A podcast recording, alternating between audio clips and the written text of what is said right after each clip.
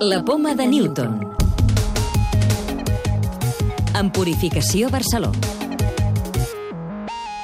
Un projecte científic internacional amb participació d'investigadors de l'Institut Hospital del Mar d'Investigacions Mèdiques ha aconseguit fer el mapa fins ara més complet de les mutacions genètiques de l'ADN humà. Us ho expliquem en el programa d'avui, en el qual també parlarem de revertir l'envelliment i descobrirem una facultat sorprenent dels corps. Tenir un mapa molt complet de les mutacions del nostre ADN servirà per identificar-les amb més precisió, sobretot les que provoquen malalties rares, i això servirà per millorar-ne el diagnòstic. La recerca de l'Institut Hospital del Mar ha trobat 7 milions i mig de mutacions, el 99% molt rares.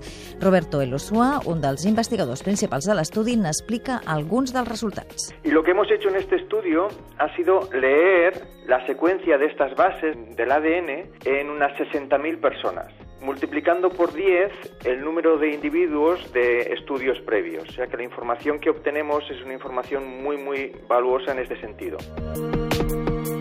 La mayoría de estas mutaciones, aproximadamente el 99%, son mutaciones muy raras. Se presentan en menos del 1% de la población. Pero también hemos visto que la mayoría de ellas son benignas y únicamente hemos identificado unas 180.000 que podrían causar enfermedad. Hemos identificado que hay aproximadamente unos 3.000 genes que no tienen mutaciones raras.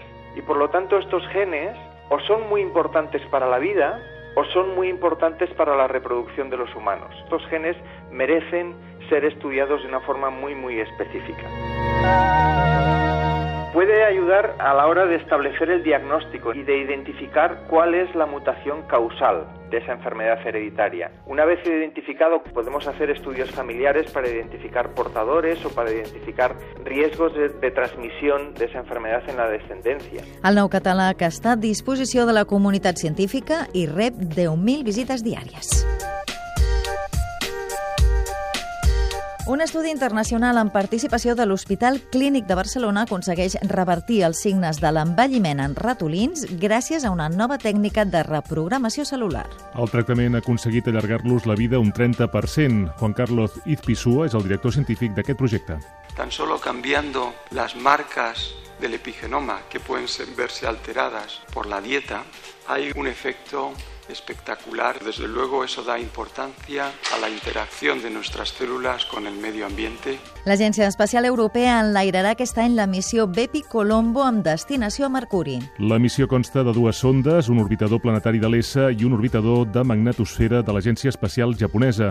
Pretén aprofundir en el coneixement de Mercuri, que va iniciar la sonda Messenger de la NASA, i el que descobreixi servirà per conèixer millor l'evolució del nostre sistema i, sobretot, la dinàmica dels planetes més pròxims al Sol. La futura primera càpsula de turisme espacial d'Europa, el projecte Bloon, ja té disseny final. La nau, desenvolupada a Catalunya, és resultat d'una col·laboració entre l'Escola de Disseny Elisava i l'empresa 02 Infinity.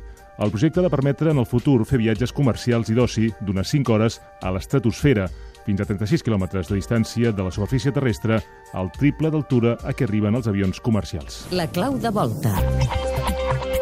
Els corps poden pensar? Lola Ruiz, de l'àrea de recerca i coneixement de l'obra social La Caixa. tenen algun tipus de representació mental que guia les seves accions. Per exemple, poden atribuir a un altre corp que aquell corp sap coses. Per exemple, aquell corp sap on jo he amagat el menjar. O també quan ells amaguen el menjar, vigilen que ningú els vegi.